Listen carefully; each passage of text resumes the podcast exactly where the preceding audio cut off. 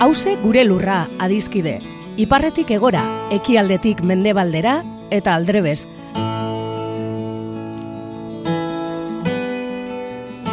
Lurra bakarra dugu edo gaituen lur bakarra da hause.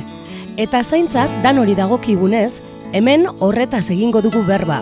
Lurraren zaintza kontu ekonomiko, ekologiko eta politikoa da, baita kulturala, kolektiboa eta publikoa.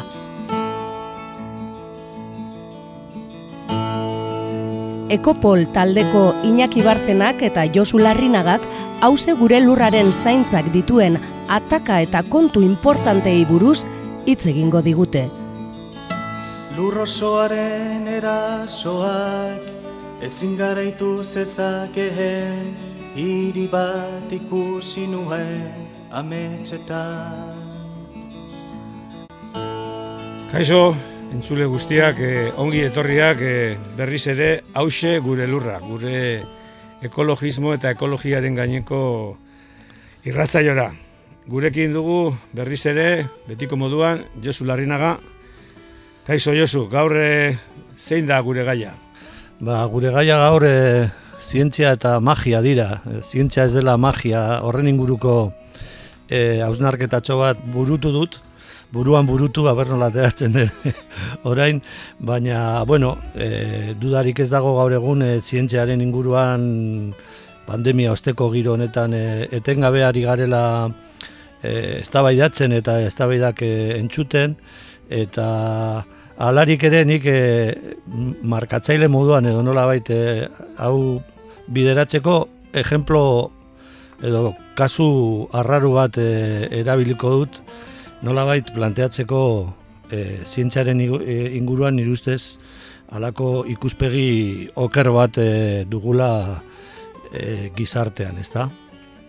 E, Iruña beleiako kasua e, aipatu nahi nuke, justo konfinamendua baino lehen, e, azte bete lehenago edo, topatu nintzen ezagun batekin eta gainera irrationetako partaidea be bai eta berak esan zidan e, bueno, hori Iruña beleiaren e, polemikaren inguruko programa egina zuela eta momentu batean esan zidan, bueno, nik benetazkoak direlakoan nago, ez da, hor badakizue, ba, agertu ziren e, induzketa arkeologiko batzuetan gazteiz aldean, e, beleia izeneko parajean, e, bere garaian e, erromatarri iria izanikoa ba, agartu ziren ostraka batzuk, eramizkako e, pieza batzuk eta hoietan agartu ziren inskripzio batzuk edo e, euskarazkoak izan zitezkenak eta azkenean, bueno, justiziak erabaki du gezurrezkoak zirela, fal, faltsuketak e, zirela eta e, hori esan zidan lagun horrek eta ikusi zuenean e, nire eszeptizismo aurpegia edo ikusi zuenean ba ni gehiago nengoela nolabait berzino ofizialaren alde edo edo horretan e, pensatzen duela egi gehiago zegoela ipini zuen e, paniko aurpegia eta inpaktatu ninduen, ezta? Ikusi nuen nolabait desegun kortu egin nuela asko berezea. Eta nire ustez hori gertatzen da, e, zientzia egiaren pare eta egia verdadero osoaren pare hartzen dugunean eta nolabait magiarekin eta sinismenarekin e, lotzen e, dugunean, ez da? Esan nahi dut, Iruña Beleiako kasuan azkenean berzio ofizialarekin batez datozen, datozenen artean egonda e, hilabete luzetako goze greba bat egonda, persona batek goze greba egin du, azkenean e, laga zuen, eta hor egiten zuen aldarrikapena zen hitz egin dezala zientziak. Hori zen nolabait, ba, hori berzino alternatiboa defendatzen dutenen e, aldarrikapena, ez da, zientziak hitz egin dezala. Eta niri, niri iruditzen zait, kasu horretan, zientzia etengabeari dela hitz egiten, ez da? Hor arkeologo batzuk, nolabait, historiatik eta induzketetatik, baina be bai e, kimeketatik eta fizikatik ezagutzak e, euki behar dituzten personak esan zuten agertu zirela idazkun e, batzuk, gero batez be filologiatik e, uste hori, esan zuten e, zinezkoa izan zitekela, hori ez zetorrela bat nolabait Euskararen inguruan daukagun hipotesi zientifiko ia bakuneekin, e, bakarrekin ez zetorrela, bai dator e, nolabait Euskararen inguruan ditugun sinismen e, folkekin, baina ez dagoen hipotesi zientifiko zientifikoekin, ez da? Eta gero, ba, beste zientifiko batzuk ere orain kimikoak eta bar, esan dute paitegiaren aurrean faltsuketak direla. Egia da, ezin izan dela demostratu nork egin zituen faltsuketak, eta ezin izan dela erabat demostratu hor zeo zer benetazkoa egon daiteken, edo zeo zer gezurrezkoa egon daiteken. Egi judizial badago, ondino provisionala dela, ezta?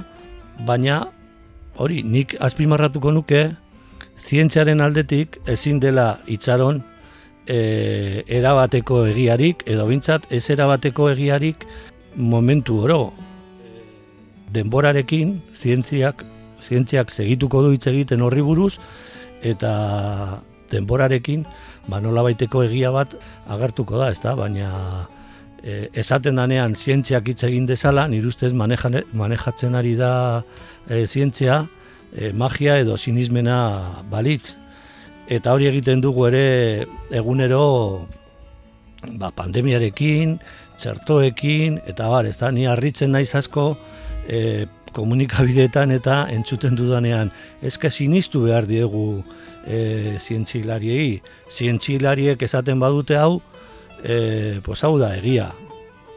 Zientzilariek e, hori etengabe hitz egiten dute, e, hipotesiak eta eta nolabait ere hipotesi faltsutuak edo konprobatuak botatzen dituzte, baina zientziak e, nolabait hori emititzen dituen egiak beti dira provisionalak.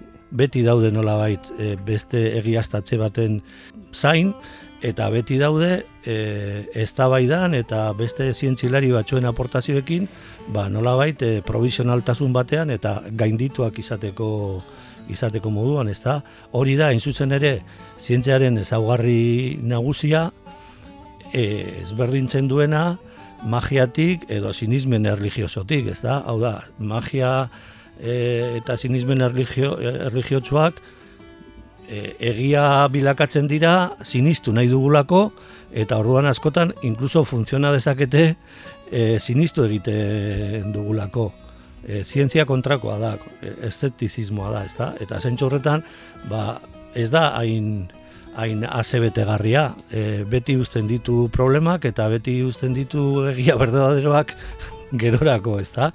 Eta hori da nire ustez ikuspegi hori nire ustez falta da gaur egun, etengabe gaude e, komunikabidetan eta hori e, zientziaren egiak aldarrikatzen eta zientzilariei sinistu behar zaiela eta hori nire bildurra da ia horrela zientzilariak bilakatuko direla ba, guru berriak edo txaman berriak edo abade berriak edo nolabait beteko dutela bete behar ez duten funtzio bat ez da. E, zientziari eskatzen zaio izan dadila prediktiboa. Aurre ikusi behar du e, gertatuko dena, edo behintzat e, nola baiteko e, erregulartasun batzuk topatu behar ditu. Hau eta hau eta hau eta bestea gertatzen bada, ba, urrengoa ere gertatuko da. Baina, klaro, gero askotan ez da gertatzen hori eta hori da ba, beste aldagai bat ez delako kontutan hartu edo bueno, horregatik dira egi provisionalak ez da eskatzen zaio be bai e, ekonomikoa izatea, nolabait e, elemento gutxiagorekin e, azalpen handiago ematen badu, zabalago ematen badu, bazientzia hobeagoa da. Eta ere eskatzen zaio e, konsiliente edo behintzat koherente izatea. Hau da, beste e, zientzia alor batean e, hipotesi bate garatzen bada eta zientziaren beste zientzia alor batzuen e, beste e, hipotesien edo tesiekin e, bat egiten badu, ba, hori ere zientzia interesgarriagoa da edo hobeagoa da, ezta? Baldintza horiek e, betetzen dira Iruña Beleiako kasuan, baina betetzen dira era e, esan nahi dut imperfecto batean e, ostraka horiek, inskripzio horiek hobezan da, benetazkoa badira agertuko dira beste induzketa batzuetan e, antzerakoak eta ez badira agertzen inun, ba segurazki ba elemento gehiago ekiko dugu pentsatzeko e, agian faltsuketa bat e, izan zirela, ezta? Gauza bera, e, segurazki pentsatzea hor gertatu zena Iruña Beleiako induzketetan broma postmoderno bat izan zela, e, nolabait, e, hori pentsatzea oso ekonomikoa da, gauza asko esplikatzen du, du elemento gutxirekin eta zentsu horretan ere izan daiteke zientzia ona. Eta gero koherentzia eta ba, horre esan behar da filologoekin pugnatu zutela batez ere lehenengo e, egi hori, ez da? Eta nire ustez hori importantea da bai, ze Euskal Filologian garatuta dago Euskararen inguruko e, teoria bat, eta nolabait horreri ere e, errespetua eta onartu behar zaio. Egia da arlo horretan mugitzen diren persona batzuk oso era bortitzean eta oso era zakarrean aritu zirela kasu horretan eta horrek ere ba, nolabait e, ba, lok, lokastatu egin zuela guztia, baina nire ustez guzti hori hartu behar da e, kontuan, eta hori egin behar da bai zientziaren e, beste dozein e, alorrean, ez da. Problema da Edmund Wilsonek esaten duen moduan, e, zientzia garatu dela pensamendu magikoa eta pensamendu erligiotsua garatu eta gero hori gaindituz nolabait agertu da e, pensamendu zientifikoa eta nire ustez horrek ekartzen du bai gizakiok horri buruz informazioa jasotzen dugunean, erabiltzen dugun marko kognitiboa, marko kognitibo berdina edo oso antxerakoa da. Pensamendu magikoa jasotzen dugunean, pensamendu erlegiotsua, ideologikoa jasotzen dugunean, eta pensamendu zientifikoa eh, jasotzen dugunean. Eta hori e, gure hankasartze bada, gure sesgo kognitibo bada, segurazki, baina zientzia e, beste modu batez e, ikusi behar dugu, beti ere hori provisionala, eta egia berdaderoa baino, egia egia partzial eta erabil, erabilgarri batzuk e, planteatuko dituela gitzinaka gitzinaka. E, gurera ekarriz eta jaba bukatzeko, inaki, e, dinot, hori gertatu zaio ere askotan e, pensamendu ekologikoari askotan leporatu zaio pensamendu magiko izatea, katastrofista izatea, beha, pizkanaka, pizkanaka, zientziak arrazoia eman dio ekologismoak planteatzen planteatu izan dituen hainbat e, kontuetan ekologismoari eman dio arrazoia eta momentu horretan aldaketa klimatikoarekin eta eta pandemiarekin eta barrekin horregatik nolabait ekologismoaren inguruetik sortutako e, ezagutza oso baliagarria eta oso interesgarria da, ezta? Baina bueno, behitu zenbat urtetan egon gara polemiketan ere adibidez energia nuklearrarekin eta bar, beste alde batetik esan behar da ere posizionamendu politikoek eta ekologismoaren aldarrikapenek ere segurazki lagundu dute zientzialerien artean kontzientzia bat sortuz eta kontzientzia horrekin ere ikusi dituzte gauzak beste modu batez eta eta gaur egun ba zientzilari asko dago oso oso konprometituta nolabait aldaketa sozialarekin ikusten dutelako beharrezkoa dela gure planetaren e, osasuna ondo mantentzeko beste momentu batzuetan ere e, zientzia oso oso prometeiko izan da oso e, optimista izan da eta gaur egun segurazki nolabait hori aldatu da eta hori ere ekintza politiko eta ekin, eta gizarte ekintza eta kulture ekintze ekologismoak praktikatu duen guzti horri buruz guzti horri esker izan da, ezta? Ba, zelako gaian sartu gaituzu. E, Josu, hau e, erratzaio bat, baino erratzaio sorta luze baterako ematen du.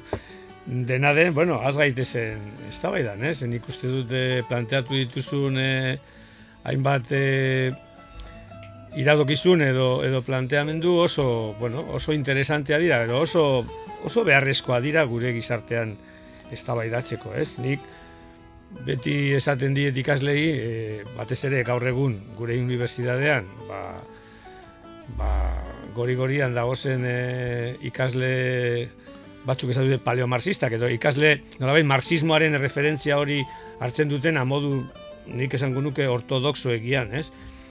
E, bueno, egia da, Marxek bebai, nolabait, e, ideologien e, egiten zuenean, ba, nola bait, berak esaten zuen, e, materialismo dialektikoa eta materialismo historikoa ez zirela ideologikoak, zirela zientifikoak zirela, ez? Dena den, Marsen esaldi favoritoena antza izan zen de omnibus dubitan du, hau da, gauza guztietat duda eta zalantza, ez? Eta hori da jarrera zientifikoa. E, ez, nolabait hori da, nola, nire ustez, e, pensamentu magiko eta pensamentu religioso eta pensamentu zientifikoen arteko berizketa nagusia, hau da, zalantzak, dudak eta hipotesiak daude, baina ez dago egiaztasun osoa, e, best, bueno, teoriak garatzen dira, eta adibidez, Lin Margulisek e, e, zelula eukariotaen e, asmakizuna egin zuenean, esan ez, ba, bueno, horre nolabait energia e, eta biderkatzeko, bueno, ba, ba kostatu zitzaion mama bostute baino gehiago konbentzitzea, beste biologoak hori existitzen zala, eta gainera emakumea zala, ba, bueno, kostatu zitzaion, kostatu zitzaiona, ez? Baina azkenean, Lin Margulisek ekarritako e, nolabait planteamendu zientifiko horrek, gaur egun inork ez du, dudan jartzen. Bueno, etorriko dira, berdin, e, nolabait, orain ari naiz irakurtzen e, perretxikoen gaineko liburu bat oso interesantea eta adibidez e, bueno, urteak bebai izan dira likenen e, gaineko eztabaidan ba, bueno, ba, gaur egun onartzen da liken badala nolabait e, perretxiko ongo bat eta alga baten arteko edo landara baten arteko bueno, simbiosi bat, ez? Hori kostatu zaie zientzilariei onartzea, baina gaur egun onartuta dago, ez? Eta orduan alde horretatik zientziak bebai laguntzen du ulertzeko mundua lurra, e, amalurra nola funtzionatzen duen, eta zenolako baldintzatan eta zenolako bueno, evoluzioan gauzak gertatzen diren. Horretarako zientzia balio du, zuk esaten duzun bezala, bere gaitasunekin eta bere utxunekin, zeren zientziak ez du dana saltzen. Eta, eta nolabait, pentsamendu zientifikoak onartu behar du bere mugak. E, gustatzen, hori alde batetik, nik uste dut da, mm, batzutan, batzutan zientzilari batzuk onartzen ez dutena ez? Eta, karo, e, zuk aipatu duzu predikzioa, plantazu duzu zientziaren ekonomia, zientziaren koherentzia, eta nik esango nuke, eta piniko nuke, eta hori da lehenengo galdera, bueno, eta zer gertatzen da zientziaren e, funtzionalismoarekin, zeren, ez hori, e, zientziak zertarako balio behar izan duen, bueno, nik uste dut, eta horre, Etxenik eri entzunion izaldi oso oso interesgarri bat, gainera atzerrian hor Guatemalan, esan ez, e, ikerke, oza, oinarrizko, oinarrizko ikerketa zientifikoa beharrezkoa dela.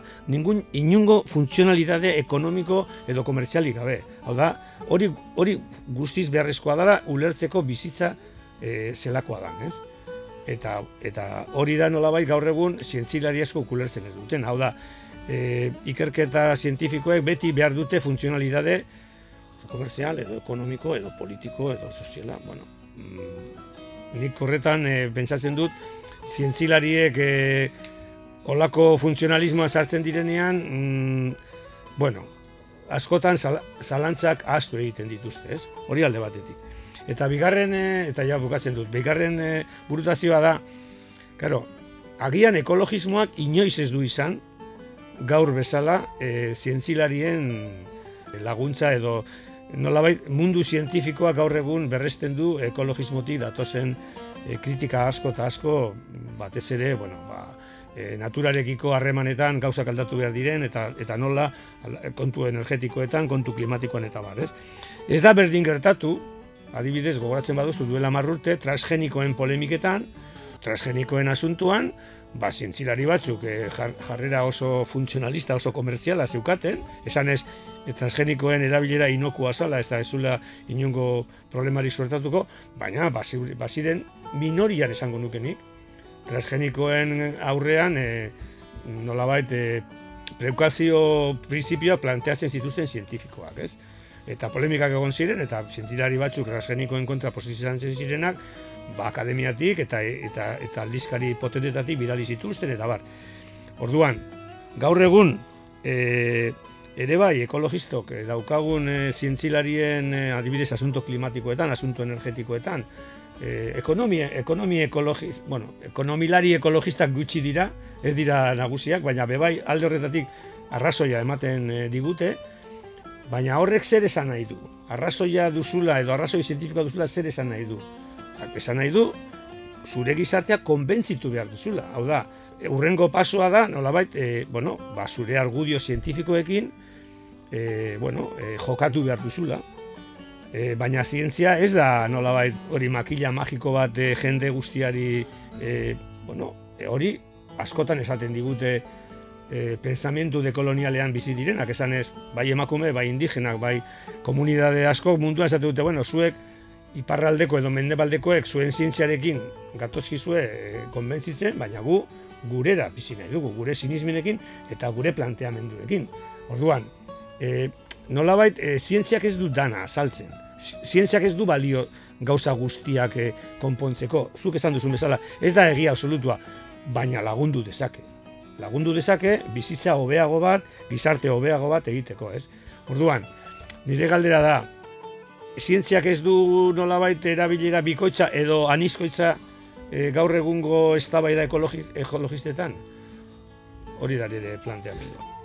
Bai, bueno, e, gauza asko planteatu duzu inaki, eh? dino, zaiatuko nezo zer e, erantzuten. Osea, nire ustez alde batetik, zientziklarien artean, ere apaiz bokazioa daukan jende asko dago. Eta jende asko pensatzen du, bere habitoarekin nola doala, eta bera zientifikoa da, nik esaten dudana, egia da, eza, ze tontokeriak esaten dituzte transgenikoen kontrakoiek, eta hori, ez, nola jarrera hori e, ezagutu dugu, ez da? Eta horregatik ere, ba, dibidez alako ez e, e, logika osoa zeukan pre, prekauzio e, irizpidea e, aldarrikatzea, hau da, zientziaren egia hori oso oso mantxo doalako eta askotan prediktiboa izate, e, izateko e, horrek denborak demostratzen du, ja prediktibo izan den edo okertu den, ezta? Eta zentsu horretan denbora eskatzen du provisionaltasun horretan, zentsu horretan hori, ba, e, apaiz asko eta guru asko dago, dago e, zientziaren itzenean, egia da ere nolabait alako e, ba, karisma duelako, ez da, ez da nire ustez kasualidadea estatu batuetan loratu diren sekten artean arrakastatxuenetako bat e, zientziologia e, deitzea, ez da, ez, e, munduan zehar zientziologo asko daude, naiz eta sekta horretan edo ez egotea, ez da, eta hori ere e, salatu behar da. E, gauza bera, hori, ba, nola bai, proposamen zientifiko potenteekin e, gauza nola hartu behar diren. Nire ustez, marxismoaren e, e, zukaipatu duzun zera hori ere oso oso esanguratsoa da. Nik beste gunean ere ikasle batekin ez da e, e, Euskal Herriko argitaletxe eta dizko etxei buruz, horri buruz egin daizuela zeo zer e, agian e, gradu amaierako lana edo nik esaten nion babitu, nik uh, hori ez nuen landu nire tesian, baina bai apatu nuen, nire ustez hori nola bait, nola funtzionatzen duten enpresa horiek ulertzeko e, Euskal Herrian oso importantea da ba, e, marxismoak e, nekazaritzaren ikerketarako egin zuen zera subsuntzio formal eta realaren arteko dialektika eta zan nahi dut, nire ustez korpus Marsen korpus horretan badago, badago gauza asko oso aplikagarriak izan daitezkenak zentsu askotan,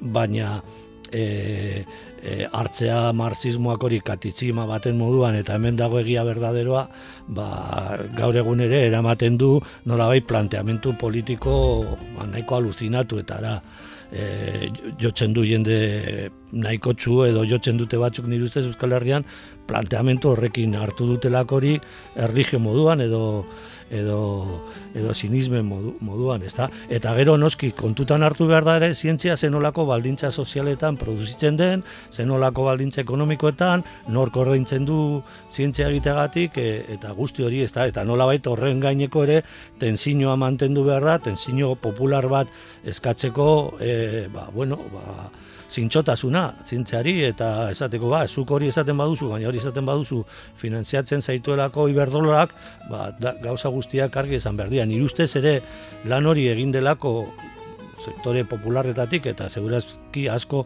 ekologismotik horrek ere lagundu du zientzia nolabait e, ba, oberatzen edo fintzen, ezta?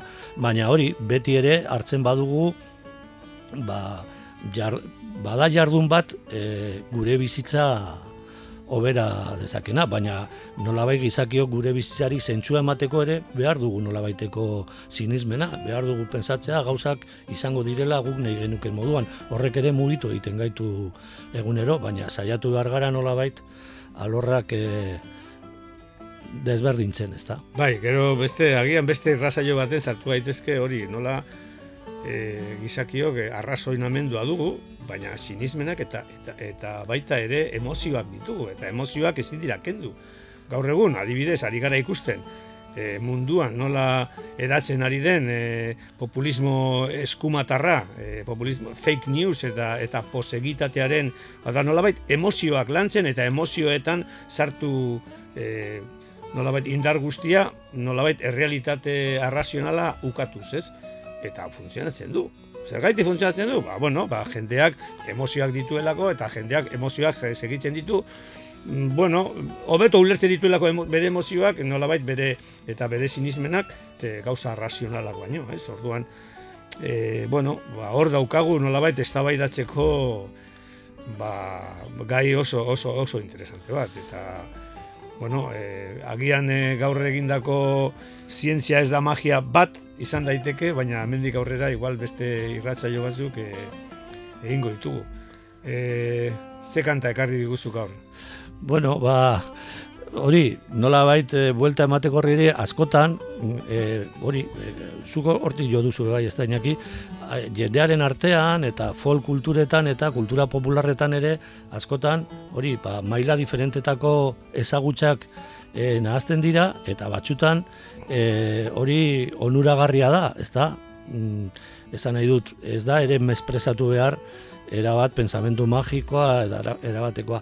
Horrekin badagu fenomeno bat e, e, interesgarria temporena, ez da? Temporak batxutan esaten da pensamentu magikoa direla, hau da nola bait, guraldia aurre ikusteko, mm, batez be, e, e, e, eremu erligiotxoetan, e, frailen artean eta garatu da ezagutza hori, ezagutza popularra da, ez, e, erligioaren e, hizkuntza mintzatzen duen ezagutza da, ze esaten du, ba, San Pankrazio gunean egiten duena, egiten duen eguraldia begiratuta, e, e, ba, jakin dezakegu urrengo hilabetetan egingo duena, bueno, e, baina hor, mm, ezagutza empirikoa dago, hor, e, e, zera, e, eguraldiaren behaketa asko dago, ba, beste garai batzuetan nortzu zeukaten denbora hori egiteko, ba, fraileak eta eta bar, ezta? Eta segurazki horregatik eurek garatu dute, baina hor hor daukagu ezagutza bat alde batetik zientifikoa dena eta alde bat, beste alde batetik ba, kutsu magikoa dauki dezakena, baina erabelgarria dena eta askotan funtzionatzen duena, prediktiboa dena, beste batxutan ez, ezta? E, zentsu horretan nire asko gustatzen zait, e, zera arantzazuko fraile famatuak zelan beti esaten du, bueno, ba, gaur e, denbo, tempora eguna den batean esaten du, ba, gaur e, sekulako eguna esan du, beraz, e, kainetik e, ustailera, sekulako eguralde egingo du, baina arratsaldean sartu da alako lainoska, ez dakizet, osea, agian kontrako egingo du. bueno, ba, badago, bai. Tolosaldean talde bat tempora ditzen dena, eta hori da, ba, euren kanta bat jarriko jarriko dugu. E, da talde bat ere, ematen duena, e, zientifikoki aztertuta, e, zera guztiak euki beharko lituzkela e, arrakaste eukitzeko, baina ez du arrakasta bat euki orain arte, baina oso talde hona da, tempora. Ta entzungo dugun kanta, bai mundu barria.